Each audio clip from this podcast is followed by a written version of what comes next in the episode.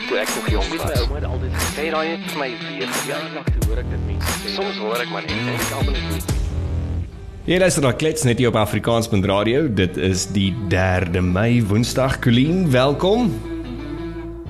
Ah, Dankie Matthys, lekker om hier te wees. Dis Uh, lekker. saam met jou en Dr Hester Vermeulen. Yes, so uh, ons het 'n baie spesiale gas vandag, Dr Hester, baie baie welkom ehm um, dat u ons join vir hierdie gesprek op klets rakende die voedsel ehm um, inflasie wat uh of die die voedselinflasie verslag wat onlangs uitgereik is deur die BFAP. Ag dankie, dis lekker om vandag met julle te gesels. Ek moet vir jou sê ek was so bly vir daai verslag want ek en Matthys het nou eendag 'n uh, uh, amper 'n uh, terapie sessie moes hê oor die koste van my trolley by Woolies. Um, en dit was nou dit is geen scientific research wat daarin gegaan het nie, dit was alles net emosie. Um, so jou verslag was baie interessant en ja, sien uit om te hoor um, bietjie meer in diepte oor die verslag. Ag dankie, nee, ek splouts kan dit deel. So net dalk om vir vir, vir Dr Hester te frame, uh, sy is 'n landbouekonoom wat spesialiseer in verbruikingsvoedsel en die voedingsekonomie in Suid-Afrika as ook die breër kontinent van Afrika. En veral ehm um, kyk na verbruikersgedrag, ehm um, voedselkeuses, die impak van makro-ekonomiese veranderings op voedselverbruikpatrone of uh verbruikersvoedselneigings en die die oor die algemene voedselverbruik. So Dr Esther, hierdie het uitgekom nou Maart uh 2023. Ehm um, dit is eintlik April uitgekom, maar dis Maart 2023 se verslag. Maar kom ons begin dalk net, wat doen die Buro van Voedsel en Landboubeleid of algemeen bekend as die BFAP? Ons is basies 'n um, 'n span ehm um, professionele mense. Ons dis baie van hulle is landbouekonome. Ehm um, daar's ook ander dissiplines by betrokke soos bedryfsingenieurs, statistikuste.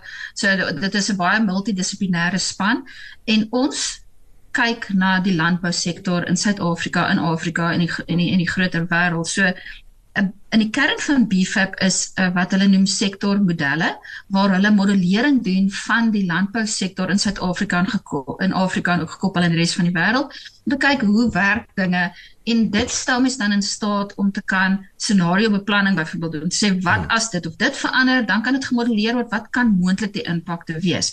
En dan sal ook ek wil sê mense soos ek in die span wat op 'n sagter kant werk met verbruikers se tendense, verbruikers se voorkeure en dan werk die span ook in 'n klomp ander dinge soos soos byvoorbeeld hulle sê die geospatial voorstelling van data om te kyk op kaarte met kleure en heat maps en sulke tipe van goeders, hoe kan mens analises doen? So dit is 'n baie wye span met 'n baie wye toepassingsveld, maar op die einde kom dit alles neer om ons kliënte te kan bedien met raad van hoe om strategies en suksesvol te kan bedryf binne die landbousektor. En 'n groot deel van wat ons ook doen binne my portefeulje, boonop wat die kommersiële werk is dan ook ehm um, meer aan die voedselsekuriteit kant van voedselinflasie, voedselbekostigbaarheid, maar dit sulke ek moet sê hot topics in Suid-Afrika is en dit Ja. is baie relevant en is dit dit is tans daar's daar's baie mense wat regtig sukkel met hierdie aspekte um, in ons land. So ons het 'n redelike wye portefeulje. As as mense meer belangstel kan hulle gerus na ons webblad gaan loer.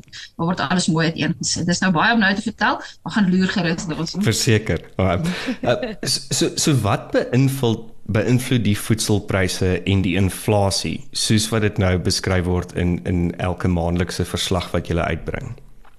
So op 'n groter prentjie sal enige faktore wat um, verband hou met die produksie van kos, die verwerking daarvan, die bemarking, die verspreiding daarvan, asook ehm um, dan die vraag na voedsel onder verbruikers um, met vraag en aanbod 'n uh, uh, invloed kan hê op voedselpryse. As ons nou oor meer spesifieke faktore praat binne daai kategorieë, kan mens byvoorbeeld kyk na as ons byvoorbeeld van die die um, geopolitical conflict in die Russian-Ukraine war. Yes. Mens wil sien wat wat dit aan wêreldpryse gedoen het en wat het dit aan byvoorbeeld ehm um, groenteoliepryse wêreldwyd gedoen. Mm. So Ja. ons ons is nie in 'n bubble in Suid-Afrika nie. Wêreldgebeurtenisse en wêreldpryse het 'n baie sterk invloed op ons. Dan ook byvoorbeeld die wisselkoers. As ons wisselkoers verswak, is dit duurder om in te voer en baie van ons kommoditeitspryse um, is aan um, invoerpariteit gekoppel hmm. al word dit plaaslik geproduseer wat dan weer invloed het op op stygende pryse. Ehm um, nog nog voorbeelde kan byvoorbeeld wees ehm um, as besluite wat die regering neem byvoorbeeld dalk 'n lockdown in COVID wat ook 'n um, impakte gehad het. Mm.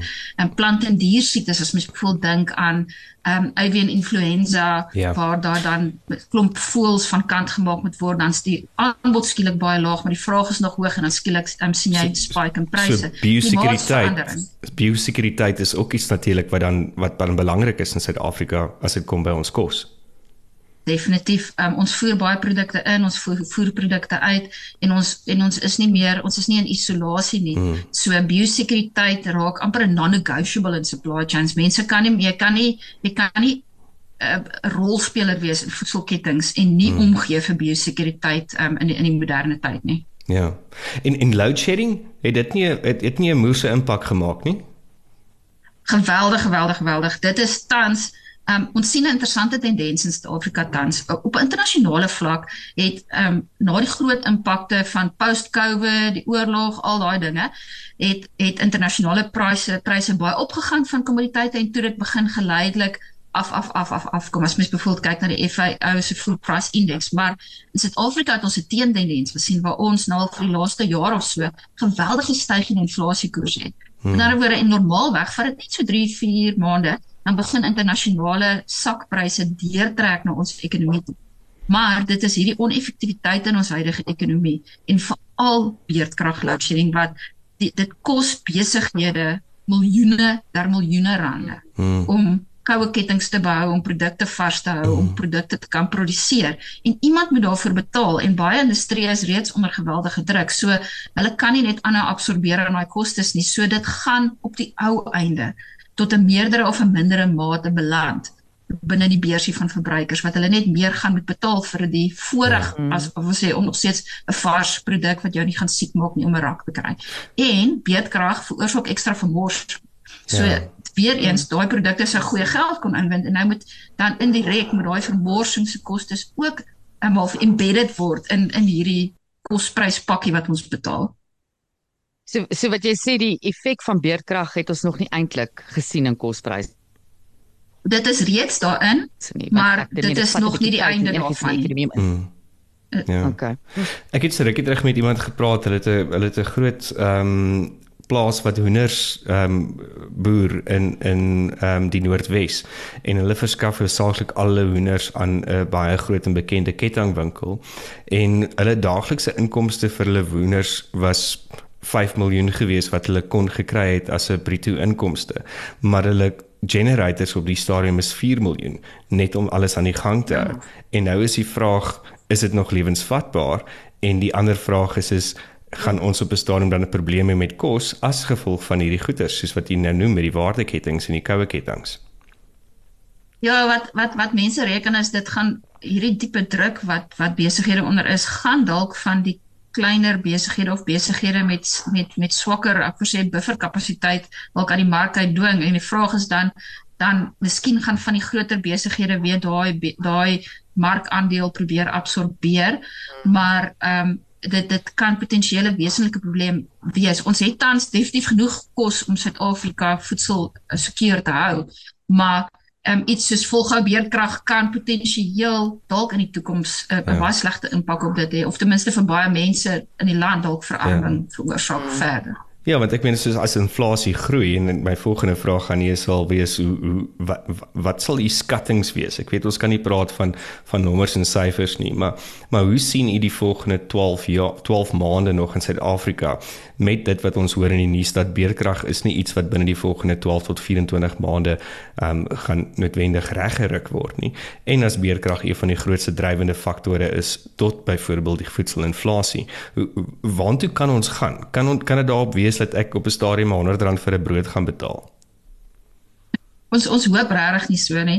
Um hmm. ons spankenners, um al die kommoditeitsspesialiste binne BFAP sit gereeld en praat oor wat gaan aan hulle industrie, waarna dink hulle neig dinge. En die algemene gevoel daar is dat um so in die tweede helfte van 2023 reken hulle behoort die inflasie koers 'n bietjie af te plat. So onthou nou ek sê nie dit gaan ons gaan in deflation in. Ja. So as jy skielik dat kos gaan begin goedkoop raak nie, hulle reken dat kos gaan stadiger begin duurder raak. Hmm. um hier in die tweede helfte okay. van um 2023 en hulle so so die kenners sê dit is hoofsaaklik twee redes.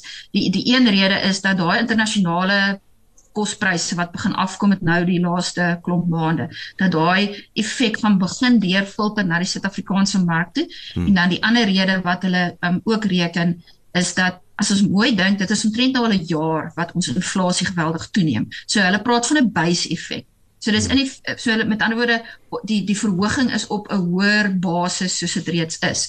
So as gevolg van daai base effek gaan ons dalk 'n afplatting sien, maar maar die groot mark bly hierdie onsekerhede soos die load shedding en die impak wat dit op supply chains gaan hê, hmm. infrastruktuur wat um nie mooi in stand gehou word in ons land al daai um, vir sy oneffektiwiteit in die mark hmm. kan potensieel van hierdie positiewe faktore weer oorskadu en en so we say that remains to be seen ons het, ons sou graag een wou hê ons het nie 'n kristalbal nie so mense ja. probeer uit verlede lesse ja. leer jy kyk hoe, hoe lyk gaan dinge deen maar so ons maar ons hoop dat daai afplatting in inflasiekoerse hopelik te sien sal wees wat wat ten minste vir mense amper gesê 'n bietjie kans kan probeer gee om op te vang met hierdie ja. geweldige prysstygings. Ja. As ons nou kyk na Suid-Afrika en ons het gesê ons het um, ons is nie in isolasie nie. Ehm um, toe ons gepraat het vroeër oor biosekuriteit. Uh, ons het baie porous borders ehm um, as gevolg van ons uh, aan die suidpunt met al ons plekke hier om ons maar maar hoe vergelyk ons kospryse en die voedselinflasie in Suid-Afrika teenoor die res van die Afrika kontinent en dan ook verder na die weste ooste en byvoorbeeld ehm um, Amerika. By ons ehm um, binne ons uh, maandelikse beef food inflation brief het ons um, elke maand 'n vergelyking wat ons doen van inflasiekoerse van Suid-Afrika en dan vergelyk ons dit met lande soos China, FSA, Europese Unie wat nou hoë vlakke van ontwikkeling het en dan ook ander ontwikkelende ekonomieë soos Brasilië en dan Afrika lande soos Zambië en Kenia. Nou, as ons byvoorbeeld nou kyk in Maart 2023, kan ons byvoorbeeld sien China het 'n baie lae inflasiekoers gehad, 2.4%, FSA 8.5% en by hulle is dit besig om af te neem. Brasilië 7.3%, hulle het ook 'n afname dan het ons Zambië wat nou al bietjie stabiel is op so hier rondom 12% vir 'n paar maande. Ehm um, Kenia hier 13.4% wat ook heelwat hoër is, dan Suid-Afrika op 14.0 en en EU se ja. syfers van môre is nou nog nie uit nie. So ons kan sien dat um, ongelukkig het ons tans in ons vergelykende lande en van die hoogste inflasiekoerse en ehm um, so jaar terug was Suid-Afrika van die laagste inflasiekoerse yes. en weer eens kan ons dit terug relate na hierdie hierdie oneffektiwiteit is vir al die beerdkrag en um, sterk en um, depresiasie van die inflasiekoers wat vir ons amper 'n teentendens gegee het van wat baie van hierdie ander lande wys. Hmm. So ongelukkig ons sou graag wou die ander lande reflekteer wat afkom afkom afkom in terme van inflasiekoerse maar tans doen ons nie. Ons is tans gesê op 'n opwaartse neiging. Hmm. So en, hopelik gaan die koers van groei afneem binnekort. Kyk, uh, Colleen is ook 'n uh, akademikus en 'n dokter en sy like research en scenario's en al daai goeders. Maar Die ding wat ek nou net aan wonder is hierdie wat ons nou die vergelykings doen met ander lande werk dit op dieselfde ehm um, basis van 'n research basis of 'n research output meet, meet ons dieselfde goeders in die ander lande teenoor Suid-Afrika of het hulle ander goeders waarna ons moet kyk wat ons nie noodwendig het nie. Sorry, dis nou 'n dom vraag. Ek is nie so slim soos julle nie. Ehm um, wat, ek daar sal sê is kyk ehm um, die daar's daar's wêreldwye riglyne van hoe ek byvoorbeeld 'n consumer food price index moet hmm. gekonstrueer word. So normaalweg kyk hulle wat mense se spanderingspatrone op kos en dan vat hulle gemiddeld daarvan en daarop weeg hulle die produkte wat in mandjies inkom. So byvoorbeeld kom ons sê byvoorbeeld 'n land so China met baie verskillende eetpatrone as ons, gaan hmm. ander tipe produkte in hulle mandjie hê, maar hulle mandjie gaan hulle tipiese eetpatrone of hulle tipiese spanderingspatrone reflekteer hmm. waar ons en ons ons spanderingspatrone reflekteer. So ehm um, ek sou reken dat dat ehm um, indien nasionale riglyne ag internasionale riglyne gevolg word, behoort is is dit redelik veilig om hierdie koerse met mekaar te vergelyk. Hmm. Hoe lyk ons Suid-Afrikaanse mandjie? Ekskuus Colleen. Nee, ek ekskuus net om aan te las daar werk. Ek dink ek dink miskien word die groot noot die klavier slaan is ehm um, so week terug het ons met 'n uh, iemand gepraat wat geïmmigreer het Engeland toe. En ek was ook so ruk terug in Engeland gewees en net daar kospryse vergelyk met hoe dit is. En dis dit was my baie dieselfde. Ehm um, as jy dit nou terug convert, ek dink net ehm um, waar die waar die groot verskil inkom is ja, die ouens wat nou in Londen bly verdien trippel wat ek verdien. Maar dit is my baie opvallend dat groente, vrugte, vleis, ehm um, selfs wyn, uh, wyn het ek spesifiek op opgelet, Esther. Ehm um, is die dis baie dis maar baie dieselfde geprys as hier in Suid-Afrika. So ek dink die inflasie is dieselfde. Hulle hulle hulle kla ook. Hulle kla ook kospryse gaan op en ehm um, ja, ons sal maar altyd kla, maar ek dink die verskil kom in is hulle hulle verdien 'n bietjie meer as ons. Ja, want want as mens praat van voedselbekostigbaarheid, dit gaan nie mm. net oor inflasie en kospryse mm. nie, dit gaan oor inkomste vlakke ook. Mm. Dis ja. die twee afgespeel teen mekaar en dis ek dink ehm um, so kom ons sê 10, 15 jaar terug, ehm um, toe ek laas in Engeland was, ehm um, kon jy 'n wesentlike verskil voel tussen wat jy daar vir dinge betaal en hoeveel goedkoper dit toe vir jou in Suid-Afrika gevoel het. So so daar het skuwe plaasgevind in in die in die relatiewe lewenskoste. Ehm um, mm. dinge wat nou maar die afgelope dekade en so aan gebeur het daar en hier en oralsters. Hmm. So nou gepraat van bekostigbaarheid en en en dit wat wat wat dit is basies is daar julle reflekteer julle noem dit die die BFAP thrifty healthy food basket. Ehm um, so so watse produkte is in daai food basket om om daai ehm um, finansiële vergelykings te maak maand op maand?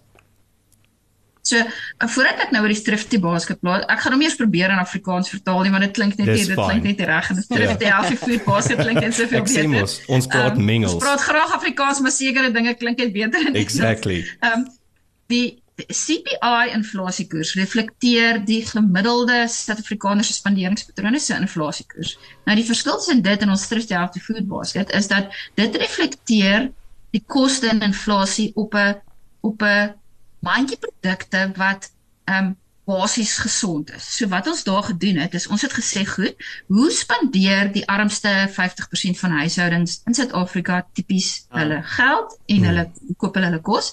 En ons gesê wat sê die food based diet guidelines in Suid-Afrika? En gegee wat die guidelines sê, wat is gesond eet? Die koskeuses van armer mense in Suid-Afrika en dan ehm um, na gekyk na goeder soos hoe groot is 'n porsie ehm um, in Suid-Afrika, wat is jou beste bron van voedselpryse byvoorbeeld? Dit is wat ons besluit het om te gebruik is die amptelike statistiek Suid-Afrika mm. urban food prices want meer van amper 80% van mense in Suid-Afrika is, is verstedelik.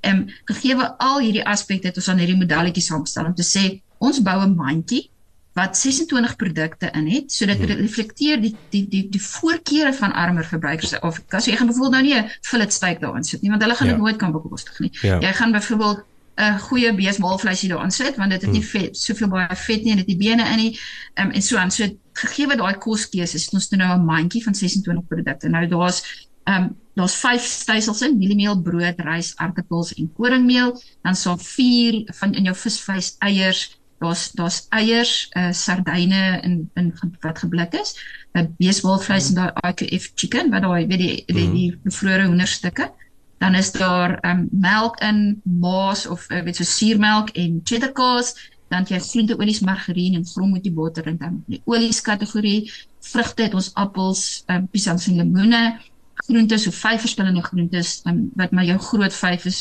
tomaties skool eie pompoen wortels en dan 'n klein bietjie suiker wat toegelaat word in die dieetriglyne en dan ook jou jou soos jy die legumes, al jou bone en erte en daai klas van mm. dinge soos gedroogde bone en baked beans en tomaties is. So mm. daai 26 produkte maak ons mandjie op en hy's dan so ontwerp dat dit 'n gesinnetjie van 4, twee volwassenes en twee kinders okay. vir 'n maand lank kan kos gee. Mm. Um, op 'n baie basiese voedingsvlak, maar wat dan die die vereistes in terme van energie-inname en soveel as moontlik van die vitamiene en minerale en so aan aan dit kan voldoen. Klink vir my heerlik. Kan ek net my piesangs en my appels inruil vir avokado's? Dan sal ek ook 'n mandjie vat. dit gaan dalk ons dit gaan dalk jou mandjie koste klein bietjie opjaag, 'n bietjie baie opjaag. maar maar maar skies is dit op 'n ernstige noot. Ek meen dis dis eintlik dis baie geld as ek jy weet jy sê armer families. As ek net vat wat verdien my die die dame wat my huis skoon maak, jy weet. Um in vergelyking met dit wat jy nou hier vir my sê dit kos 3566 rand per maand vir 'n familie van 4. Ehm um, dis rof. Dit dit is rof. Ja. rof. En, en as sê, as mens dit teen die sosio-ekonomiese spektrum van Suid-Afrika vergelyk, hmm. impliseer dit basies dat 50 indien nie na nader aan 60% van huishoudings kan nie op hierdie manier eet nie. Hmm. Wat ek dalk net moet bysê, ons moet onthou ook daarmee hierdie is op gemiddelde pryse wat landwyd geobserveer ge, ge, is gebaseer.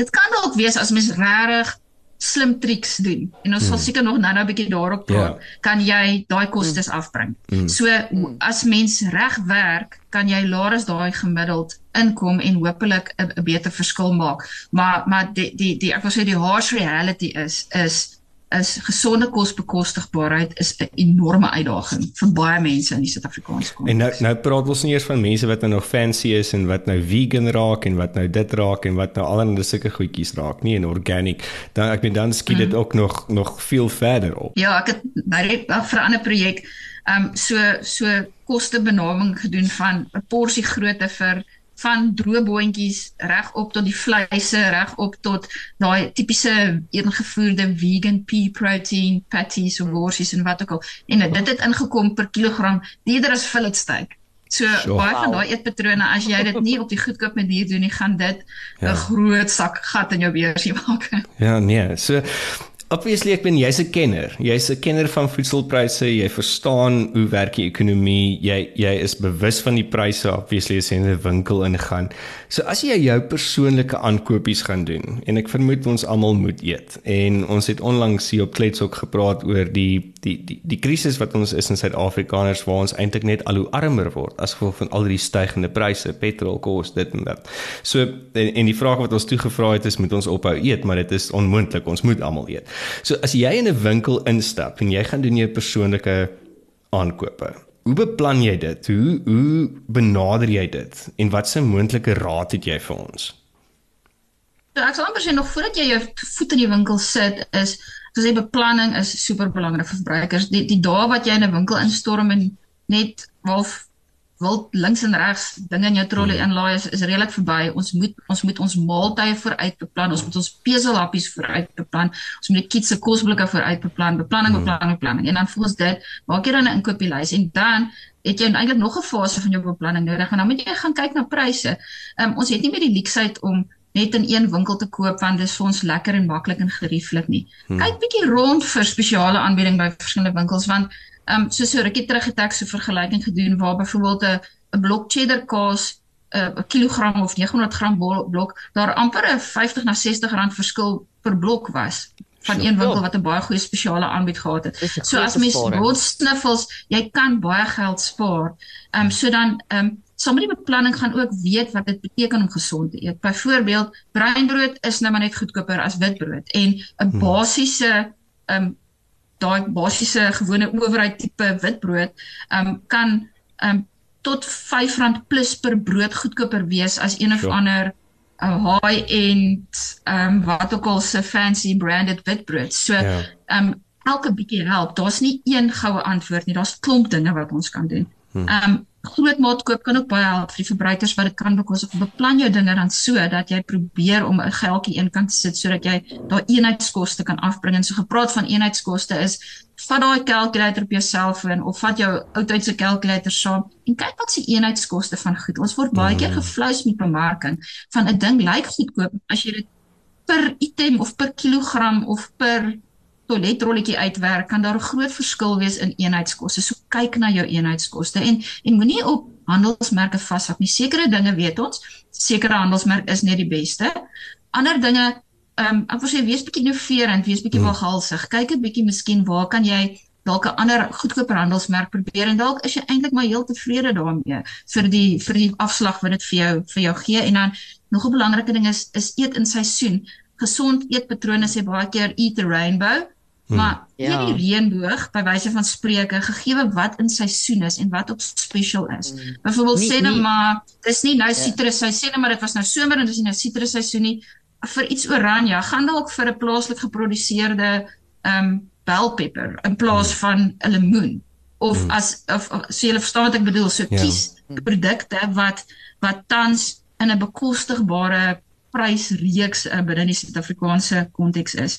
Um, en dan nog 'n belangrike ding is is ons almal soek gerief want ons is baie besig, maar gerief, daar's 'n geweldige premie daarop gerief. Byvoorbeeld ek het nou so rukkie terug so sommetjie gedoen. Um, byvoorbeeld Ek is wortels. Esther en dit Hæ? dit staan my duur ten koste elke week want ek is bloody lui. Ja, hoor nou hierdie persentasie en dan gaan jy besef wat kos daai leigheid jou, né? Byvoorbeeld, um 'n pakkie verwerkte en bevrore wortels kos omtrent amper 350% duurder as 'n pakkie vars wortels wat jy nou van scratch af self Ja. moet skil en dice en slice en stoom en wat ook al. So dit, dit is dis amper R50 op daai wat sê nou sien maar 'n kilogram wat jy ekstra betaal net op die pakkie wortels, nie eers al die ander geriefsgoedjies wat jy in jou mandjie gesit het nie. So daar's baie geld om te spaar deur net um, en dan kom ons weer terug by beplanning, want jy mens moet net beplan dat jy dan tyd maak om daai worteltjie self te stoom of te verwerk of te slice en te dice en te skil en so aan.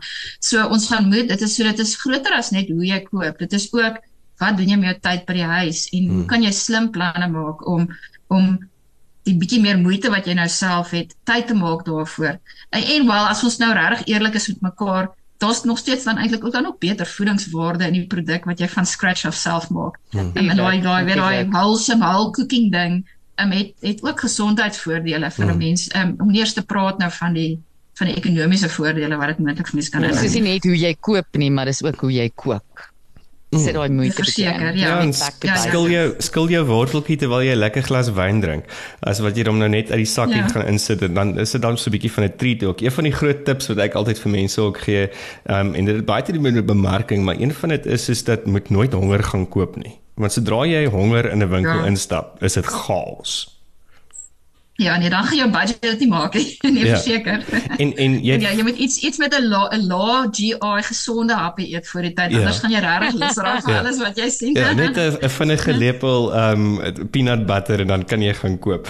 Um, die die die ander ding is ook en jy het, jy het voorheen voorheen daartoe geallude is is bemarking. En bemarking kan partykeer regtig mense um, die mekaar krap, maar dit is ook om soos jy sê mense is nie altyd ingelig nie. En wanneer mense gaan kyk na 'n 'n 'n kettingwinkel waar hulle sekere kosse posisioneer op die rakke, ehm um, het baie te doen met die pryse van goederes ook en waarop hulle grootste GP's is. So om net rond te gaan rond te gaan kyk in die winkel wat daar is as jy rys gaan koop, gaan kyk na die verskillende rysopsies, wat is die pryse, wat is hoër, wat is laer. Laer is gewoonlik goedkoper en eintlik hoër op die rakke is gewoonlik die goedkoopste. Alles ooghoogte is hmm. hoofsaaklik die duurste van 'n FMCG Ja. point of view. Nee, verseker. Nee, mens kan ja, mens mens mens kan nie net 'n pakkie van die rak afgryp nie. Dit is regtig mens moet daai eenheidskostes en daai relativiteite ek ek, ek wens alle alle kleinhandelaars, retailers in Suid-Afrika wou begin om op daai barcodes op die rakke die cost per unit te sit, want hmm. daar's so Ja. baie verbruikers Dis- wat nie noodwendig die abstraktheid van daai konsep gaan verstaan dalk nie, maar Ek maar weet Makro doen dit. Makro sit altyd daai cost Ja, per so hier unit. en daar is daar 'n winkel Mm. wat dit doen, maar eintlik sal dit so fantasties van ehm um, deel van regverdige bemarking aan verbruikers is praat hulle ook soms van weer transparency en eerlikheid. So ek dink dit kan nogal 'n goeie bevordering gewees het vir eerlike bemarking aan verbruikers. So dit dit hulle kan besluit waar sit hulle daai prys, maar as die eenheidskoste duideliker kon gewees het, want soms um, kan die tipe dinge baie confusing vir verbruikers wees. As- Byvoorbeeld altyd was sê net maar kaas meer in kilogram verpakkings. Nou is van hulle 700 gram, van hulle 850, van hulle 900, van hulle 950 van 'n kilogram verpakking. So om daai pryse te vergelyk as jy nie 'n kalkulator byderhand het nie, raak 'n redelike nagmerrie. So jy kan baie maklik dink, "O, hier is 'n bargain," maar dan is dit eintlik net kleiner verpakkingsgrootte. Hmm. So jy jy, boer dalk 150 rand kaas en maar dit lyk vir jou goedkoop. So ja, daai daai transparency en bemarking, ek dink raak al hoe belangriker en as as dit nie vir ons gegee gaan word nie, gaan ons meer moeite moet doen om om om self dan nou maar die somme te doen en, en beter besluite te kan neem. Ja. Hester, ek dink 'n laaste vraag van ons af ons tyd is amper uit. Ek wil net net hoor boere is vir ons belangrik hier by Afrikaanspunt Radio want want sonder hulle kan ons nie eet nie.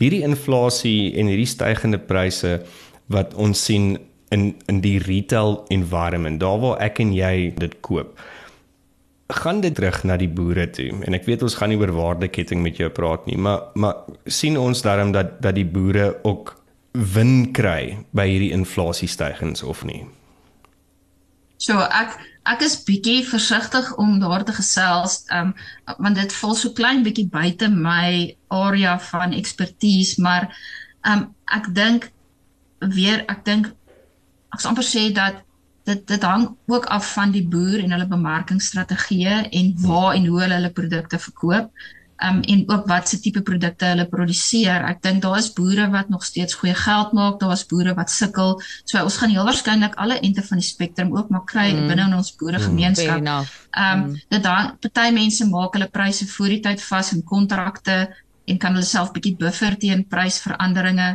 Ehm um, daar's daar's daar staan byvoorbeeld insetpryse is besig om bietjie af te kom vir boere, so dit gee vir hulle bietjie mm. verligting.